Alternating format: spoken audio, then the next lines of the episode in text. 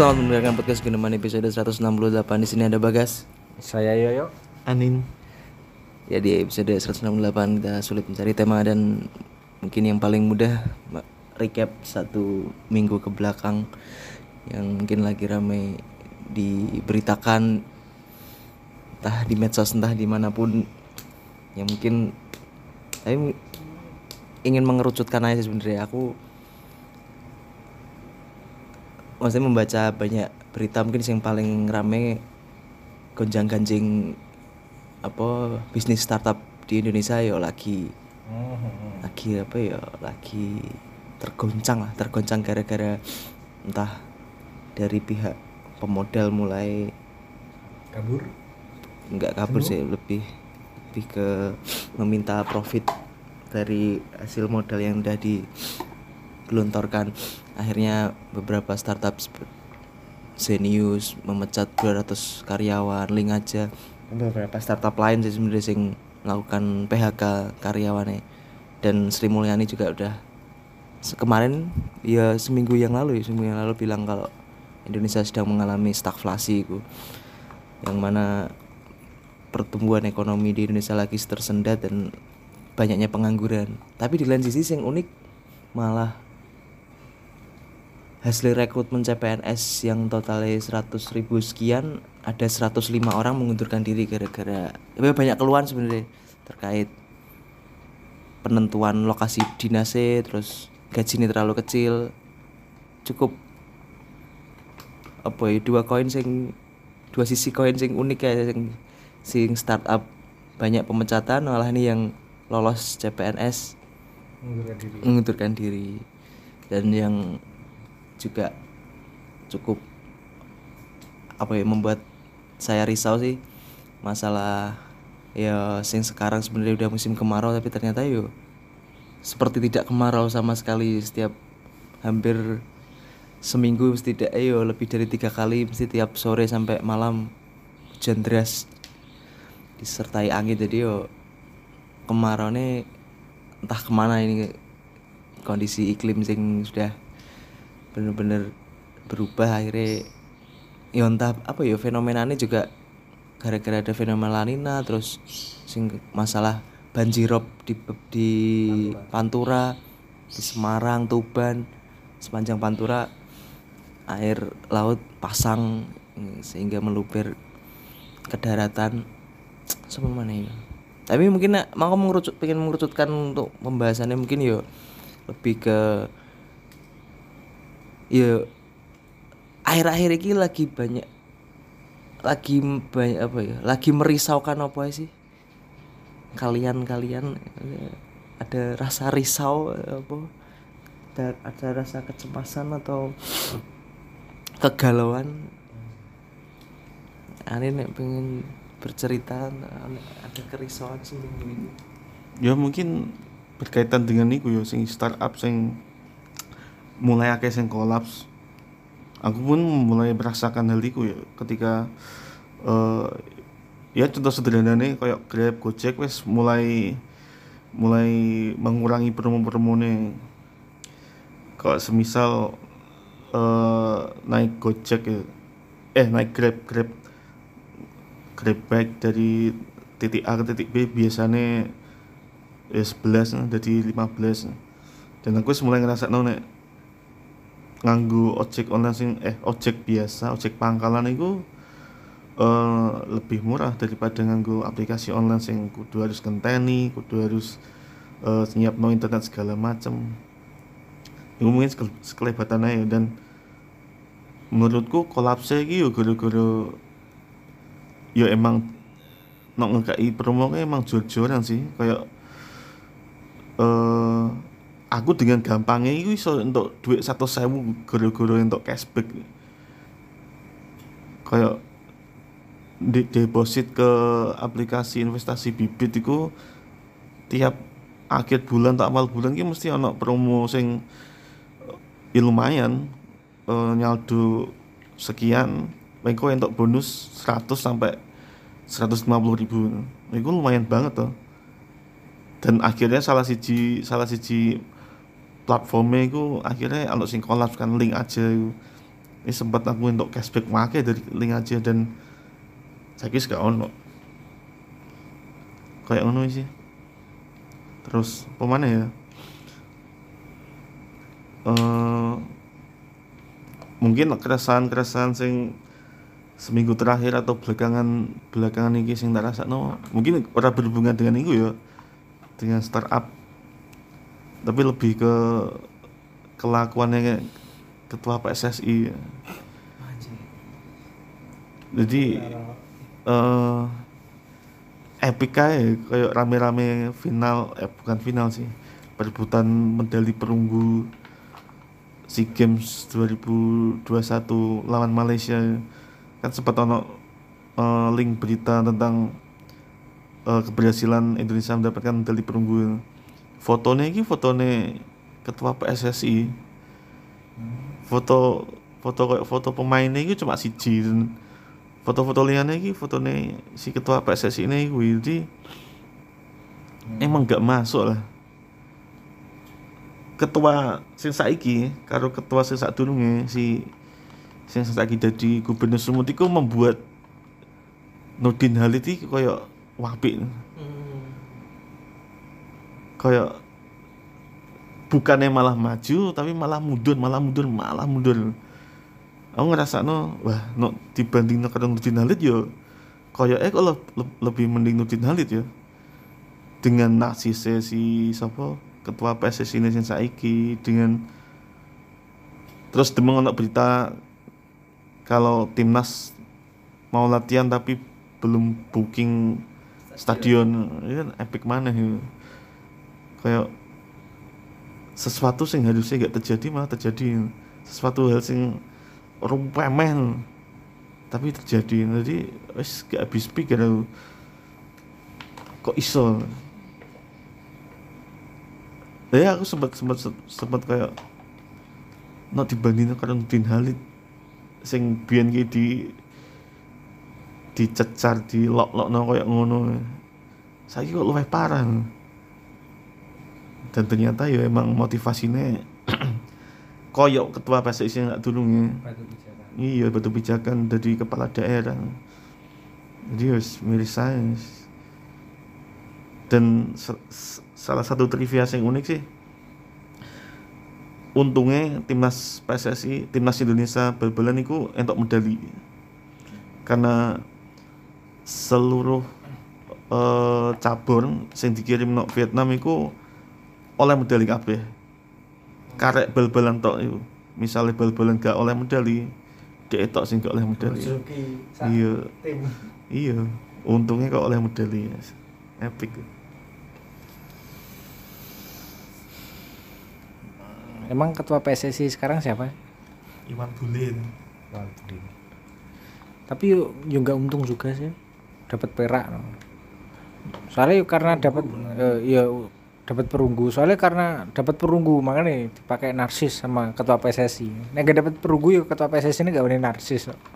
Di Bali-Bali mesti. Pernah kalah di Malaysia. Dah ya untuk perunggu ngene apa mana untuk emas Malah kene gambar pemain nih. Ketuanya mbek pialane. Mbek medali ini. Mas.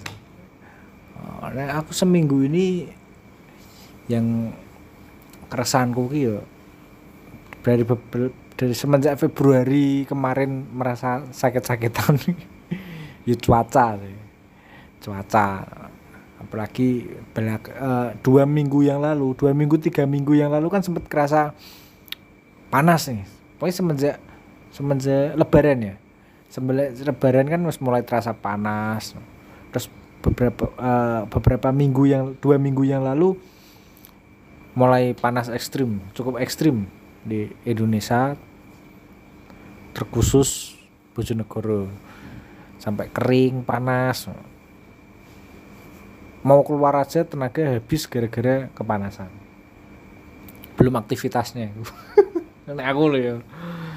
Terus tiba-tiba kema eh, beberapa hari yang lalu aku tidur dari jam 2 jam 3 bangun ya jam 2 jam 3 menjelang asar wah itu gara-gara dari pagi mendung terus hujan. Aku sempat bangun jam 8 jam 9 ini sempat bangun terus. Cuacanya kok teduh sekali. Yaudah tidur lagi. Sampai asar. Karena seharian hujan. Ini gak nyongko ya. yang kekhawatiranku ya karena mem- hanya mempunyai lahan kecil untuk beternak dan untuk menghadapi cuaca hujan lebat nggak siap ya aku khawatir. Nah sampai eh, perubahan cuaca ekstrim kan eh, nggak baik untuk hewan ternak. Para peternak harus paling nggak harus waspada menyiapkan beberapa obat sama eh, doping jamu-jamu untuk meningkatkan antibodi binatang ternaknya. Terus apalagi ya global warming akibat dari global warming pemanasan global iklim sing mulai nggak menentu cuaca harian juga nggak menentu. Terus bersamaan dengan banyaknya virus-virus dan apa jenenge sing lokal itu endemi. Endemi endemi di seperti cacar monyet di Inggris di Cina juga ada virus apa kuwi. Indra. Iku sing aku sing paling aku takutkan ya itu karena semenjak Februari aku sakit itu merasa bahwa tubuhku ini mulai melemah. Mandi saja capek. Makan berkeringat. Untuk untuk lambung mencerna makanan saja butuh energi Jadi kekhawatiranku ya iku sih nek kalau soal soal apa ekonomi startup stagflasi di Indonesia ya nggak begitu pengaruh ya memang harus dihadapi gitu aja. Meskipun eh, secara eh, apa ya secara ekonomi istilah ekonomi sing di permukaan sing secara praktis ini masyarakat ki yo setelah pandemi yo juga tidak begitu membaik secara ekonomi nih karena ya ada masalah baru yang dihadapi. Mungkin ya memang eh, karena butuh penyesuaian y- y- is- ibaratnya ini loh. Di ketika kita akan oh, apa namanya nih? Membuka usaha kan harus banyak persiapan perhitungan dari modal bla bla bla. Terus ketika lama pandemi ini eh, teman-teman pengusaha ini ingin memulai lagi tapi kan sudah nggak dari nol. Tapi wis punya modal eh, karyawan yang banyak sumber daya yang banyak sedangkan keuntungan yang kemarin ini belum terlihat. Akhirnya yo mungkin menjadi kekhawatiran bagi teman-teman investor sing menggelontorkan banyak dana untuk mensupport perusahaan-perusahaan rintisan. Tapi nggak nggak nggak nggak begitu apa yo mau prediksi ki setelah suro akan baik. Jadi nunggu bulan suro. Ini kan menjelang menjelang apa dari lebaran masuk bulan sawal terus eh sebentar lagi besar apa besar itu itu eh, nganu Zulhijjah terus sampai Muharram. Nah ini kan lagi banyak banyak kegiatan juga ini. Secara kultur perhitungan tanggal ini akan banyak kegiatan. Makanya perputaran ekonomi harus cepet harus diputar cepet sampai nanti suro istirahat. Jadi set- setelah setelah bulan suro nanti akan dia akan terlihat lebih jelas ya iso bertahan apa enggak eh, ekonominya mulai berjalan apa enggak wis ketok. Nah sampai tahun iki stagflasi bener-bener serius ya ya awak Lah maksudnya ya. Gitu.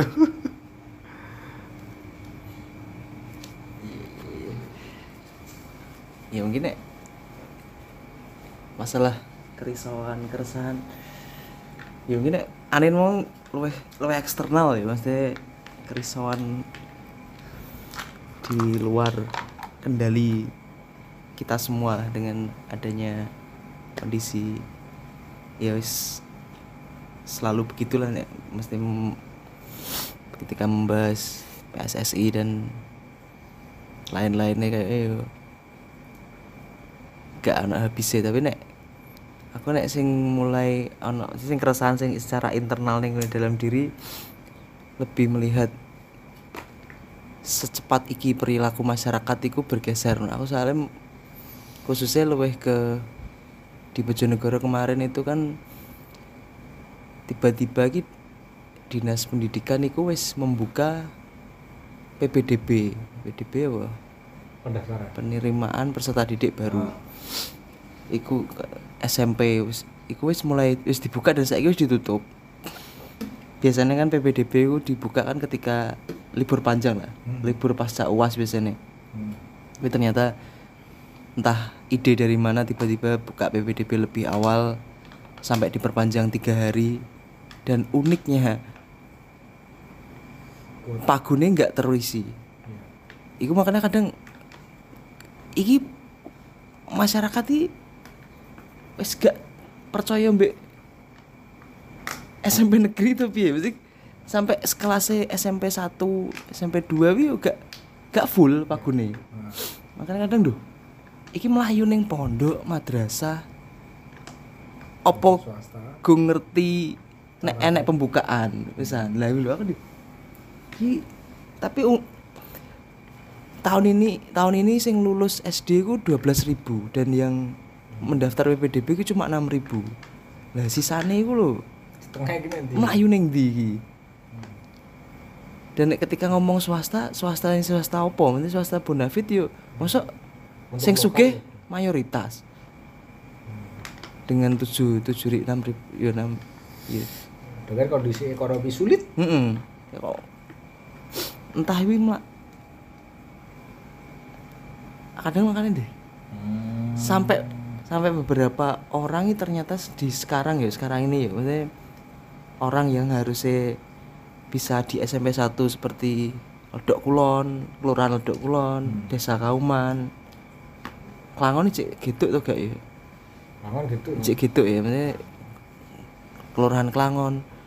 Iku malah beberapa anak iku entah sadar diri apa males ngono, dia gak pengen ning SMP. Jadi kayak merasa berat menopang label sebagai siswa SMP Negeri 1. Yo, yang dulunya dianggap SMP unggulan, SMP favorit. Mereka malah memilih di SMP 5 untuk sekolah. Soalnya merasa olahraga beban tugasnya mungkin lebih ringan daripada di SMP 1 dia cukup menarik nanti orang orang saiki oh gak oh gak saklek neh akademis iya gak saklek neh untuk mengejar SMP ini harus favorit.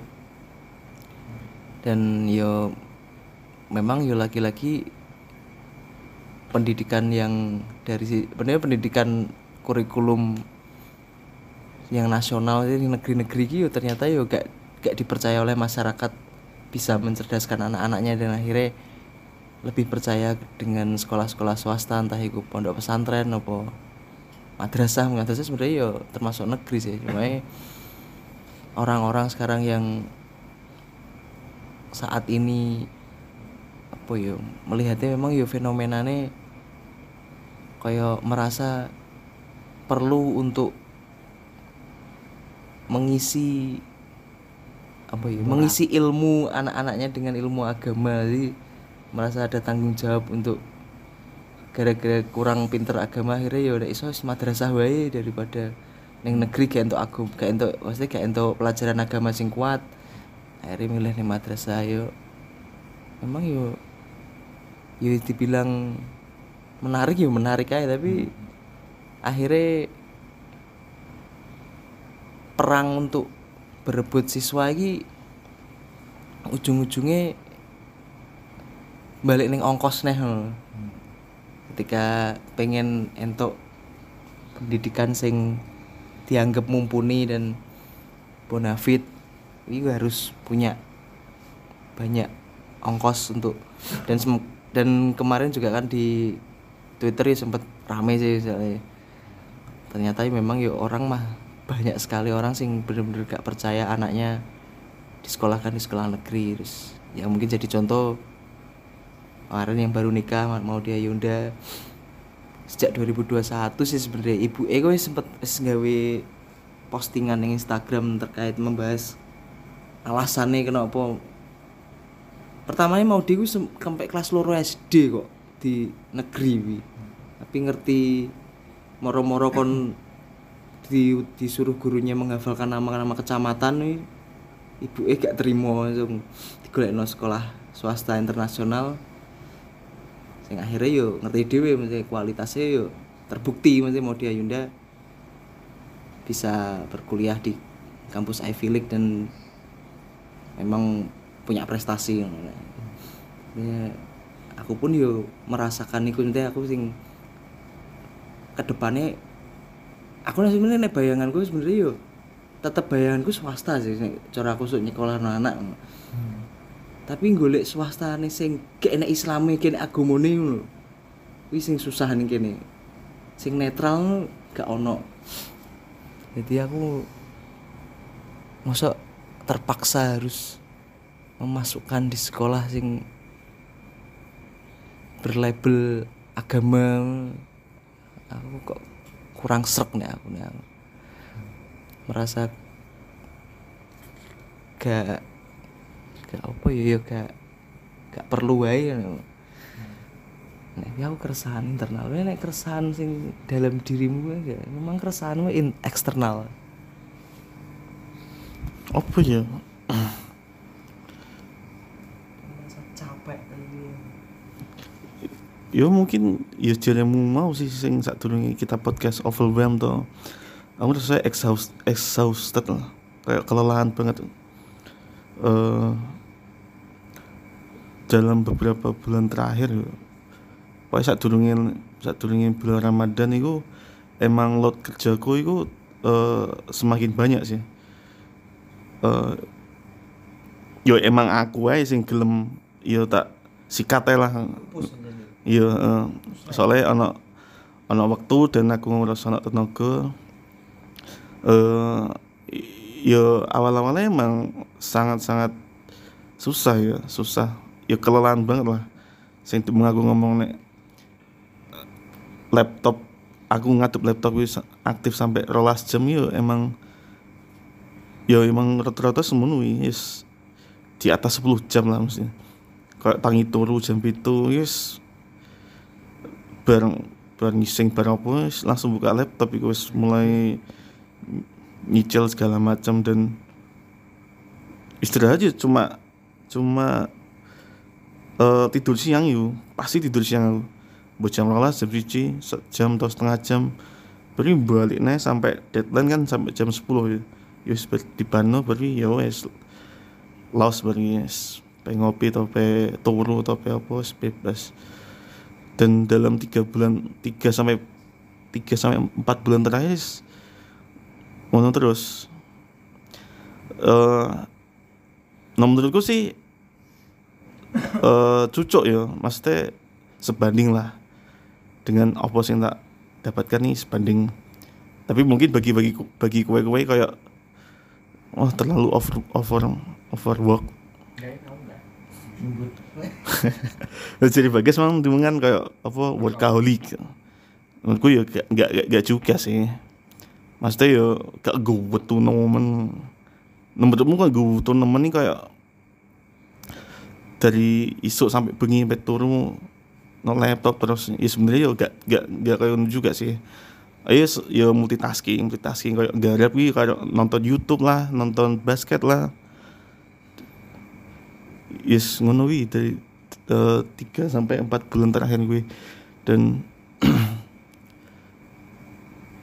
ya aku ngerasa ana waktu ana tenaga kenapa gak gak, gak, gak dimaksimal ngono ae sih sebenarnya juga bukan keresahan sih. Yo, yo kerja ya emang capek tapi mana? Kerjanya udah capek.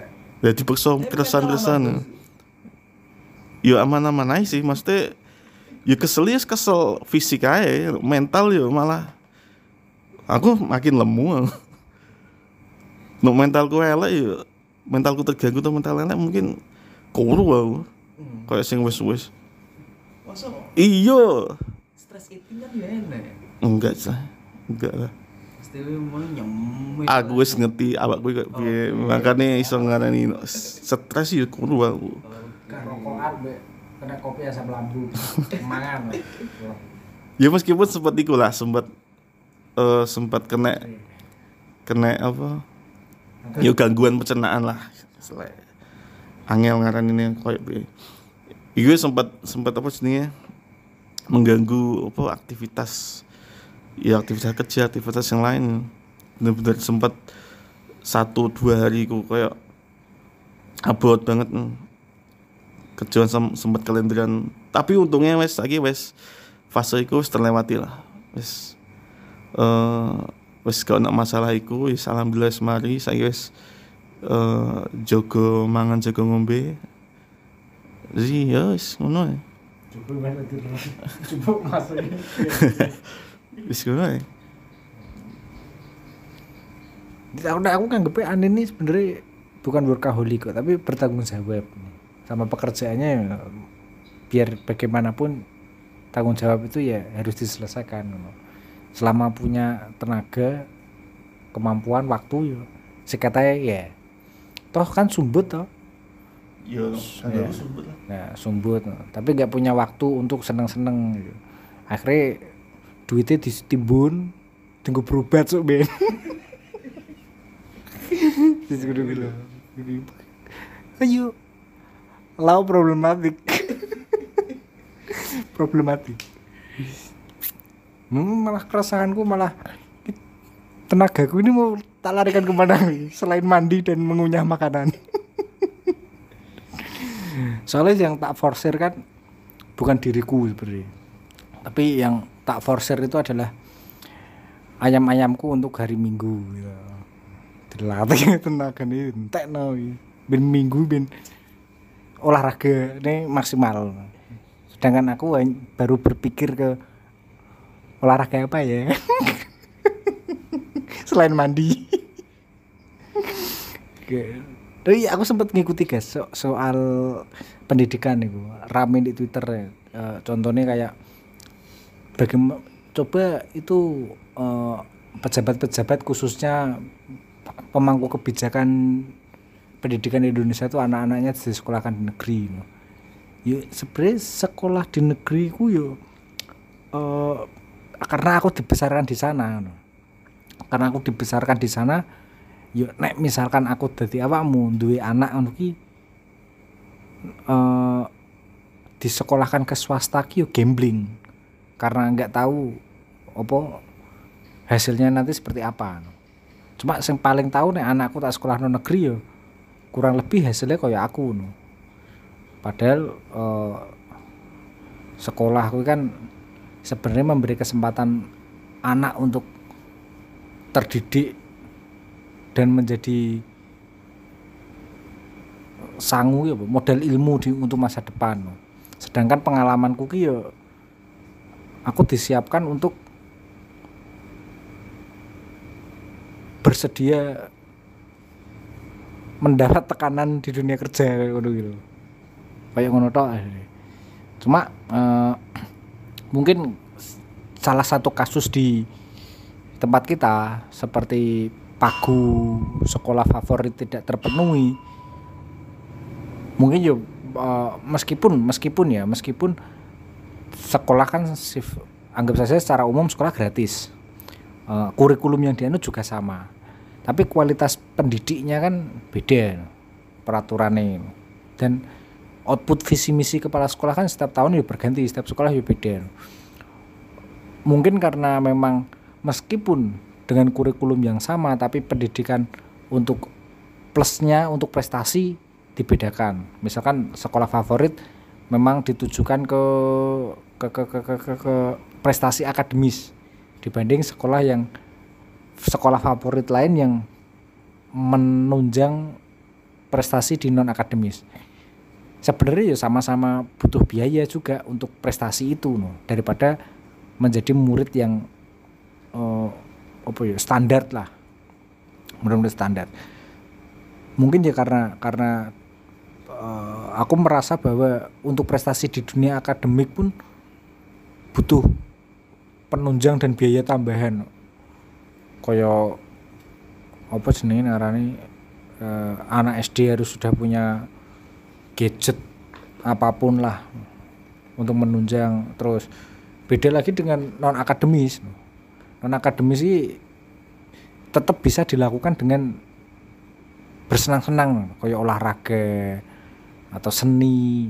Dibanding akademis akademis sih kayak mikir kewenceng dan ini bonus sebenarnya kebi- kebingungan ini ya hasil dari perubahan eh, apa di mana orang-orang ingin mensekolahkan putra putrinya ke sekolah favorit tapi sistem seleksi sekarang menggunakan apa namanya klaster-klaster itu loh. Zonasi sistem zonasi. Ya akhirnya ya ya koyo ngono kuwi mungkin mungkin mungkin ya mungkin. Eh soalnya pengalaman adikku dulu begitu. Diterima di SM di SMP favorit tapi adikku memilih sekolah yang lain. Karena di sana ada eh, apa namanya kelas olahraga untuk menunjang prestasinya. Karena dia ketika awal sebelum pra orientasi pra mos itu wis dikei syarat harus punya ini harus punya gini harus bisa gini. Ya, takut dia. Akhirnya memilih sekolah yang lain karena eh, apa olahraga yang dia ikuti difasilitasi di sana. Mungkin koyo orang-orang kota yo takut sih apalagi dengan eh, tuntutan segala macam standar sosial yang semakin ketat eh, masuk sekolah favorit ditakutkan seperti itu. Karena karena eh, namanya juga sekolah pendidikan yang terbaik. Mesti aturannya lebih ketat visi misinya lebih maju. Akhirnya takut mengikuti standar itu. Tapi yang sing menarik ya memang sistem zonasi ini akhirnya apa ya ya enggak ya enggak salah juga ketika eh, banyak di sekolah yang lain bahkan sampai sumpuk-sumpukan enek sing diterima enggak. Sing sisone sedangkan sekolah yang lain eh, kekurangan murid no, karena apa nih ngarani jumlah warga lokalnya memang beda. Jumlah sekolahnya kan juga beda. Ya aku cuma cuma iso mikir ya, kebingungan koyo iki yo bonus karena baru beberapa tahun ini kan apalagi kegiatan belajar mengajar juga setiap sekolah juga masih bingung ini bagaimana dengan melaksanakan protokol covid dan lain-lain atau dari kebiasaan tiga tahun online terus tiba-tiba offline juga butuh penyesuaian lagi. Ya ku istilahnya bonus demografi meskipun belum berupa data masih kebingungan.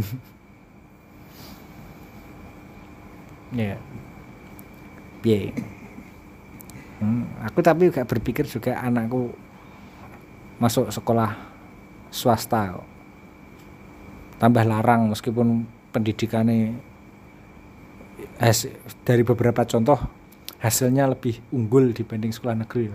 Tapi yo yo syarat umum standar masyarakat ya memang sekolah negeri. Untuk sisanya yang kok akhirnya jadi tugasku aja sebagai orang tua. Toh nek kalau melihat dasar dari pemikiran eh, apa adanya sekolah ini ya kan dititipno karena orang tua sibuk bekerja. Padahal ya kewajiban mendidik ya sini ya, ya wong tua khususnya. Ya untuk sekolah syarat-syarat ya semua- semua bisa lah mengukur eh, dirinya masing-masing dan anaknya. Tapi aku mikir ya jangankan kok memaksa anak memaksa diri untuk mengikuti standar sosial kayak wis eh, lah kalang kabut tuh iya sih tapi aku men- apa pengen balik mana bahas soal Anin sih sebenarnya menarik mungkin dengan cuma penasaran ya dengan flow kerja sing cukup cukup apa ya cukup Padat. menguras waktu ya cukup menguras waktu dalam satu hari. Itu sebenarnya wis we ngeplan bakal ono exit plan mesti we kok iki gak sampai tak gak sampai enek wak enek batese apa wi bakal terus mbok normalisasi dan ya bakal ngono terus saya soalnya balik mana aku aku pun mulai mulai meresahkan kan memang kadang gini ketika umur segini kadang terlalu fokus mengejar finan- financial capital lah ya. Modal secara nominal ya.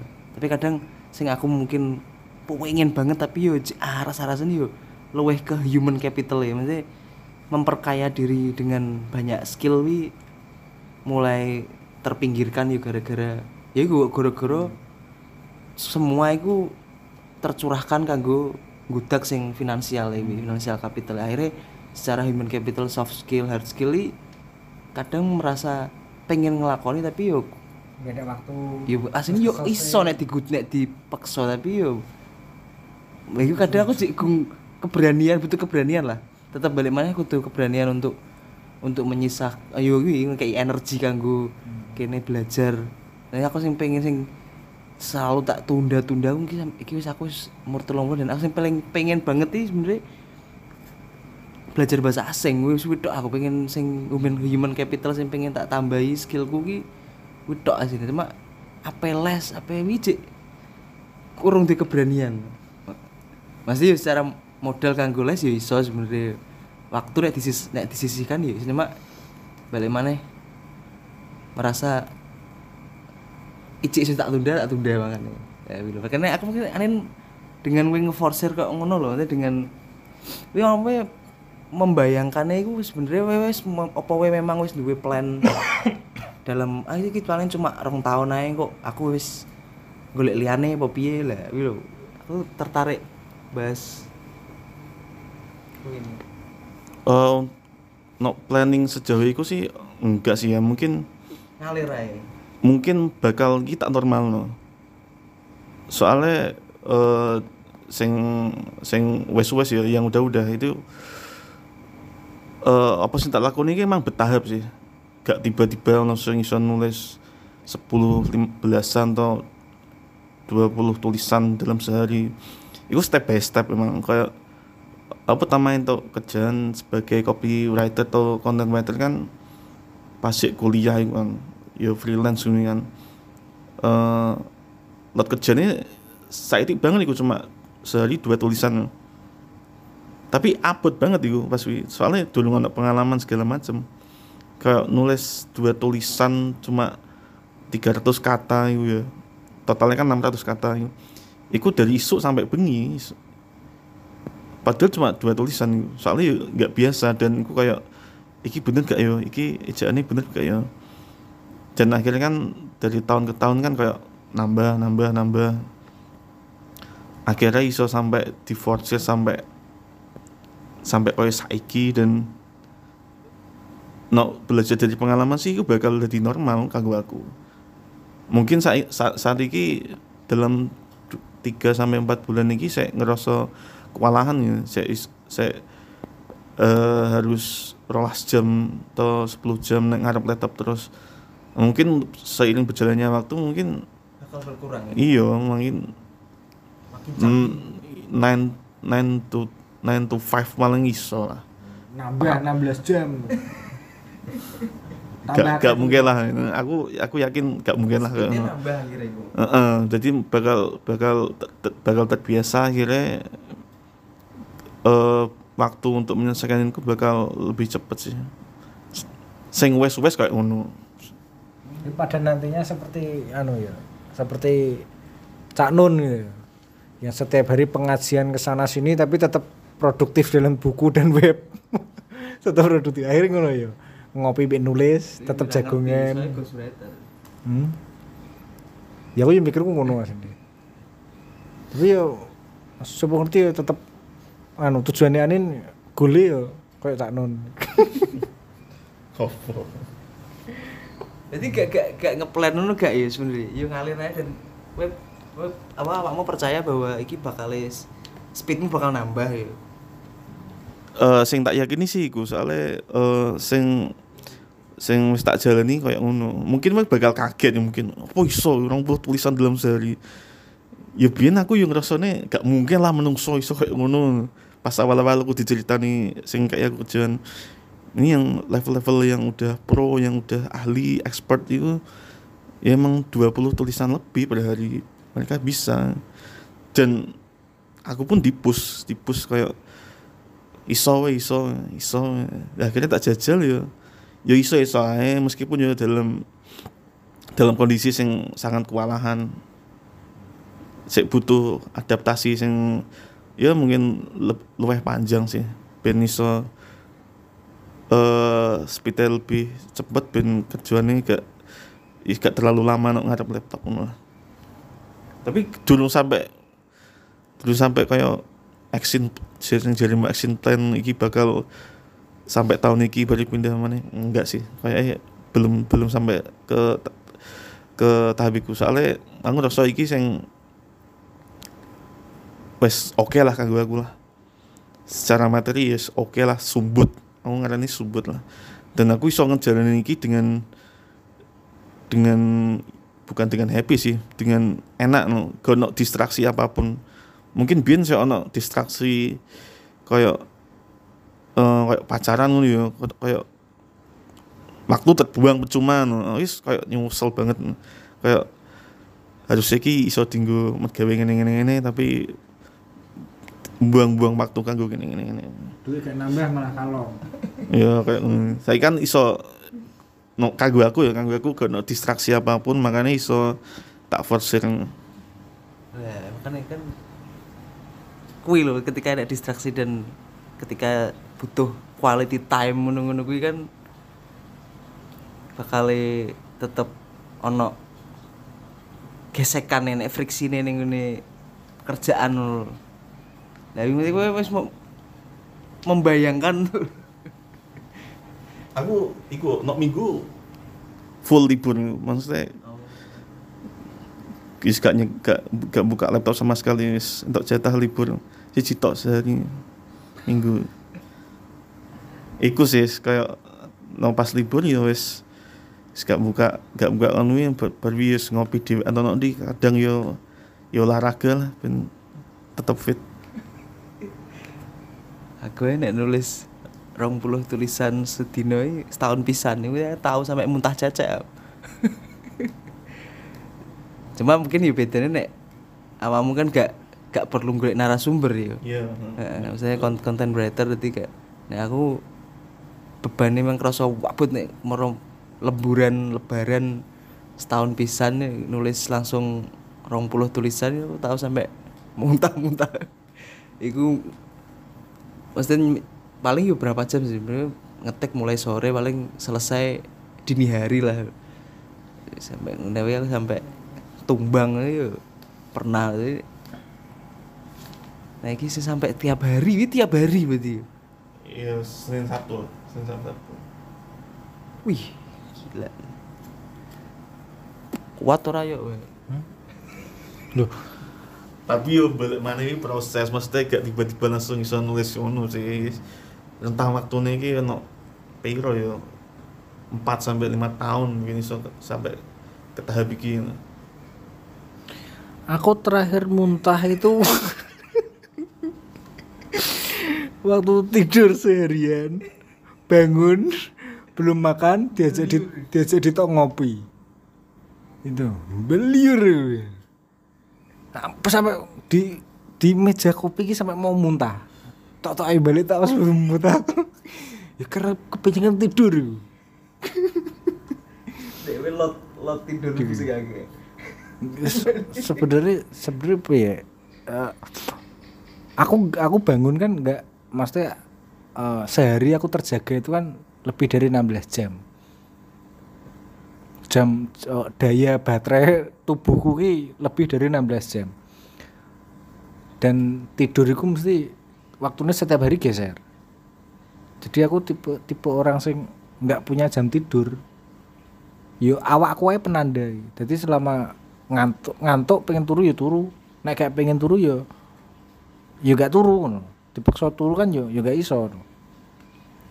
Jadi iku tok.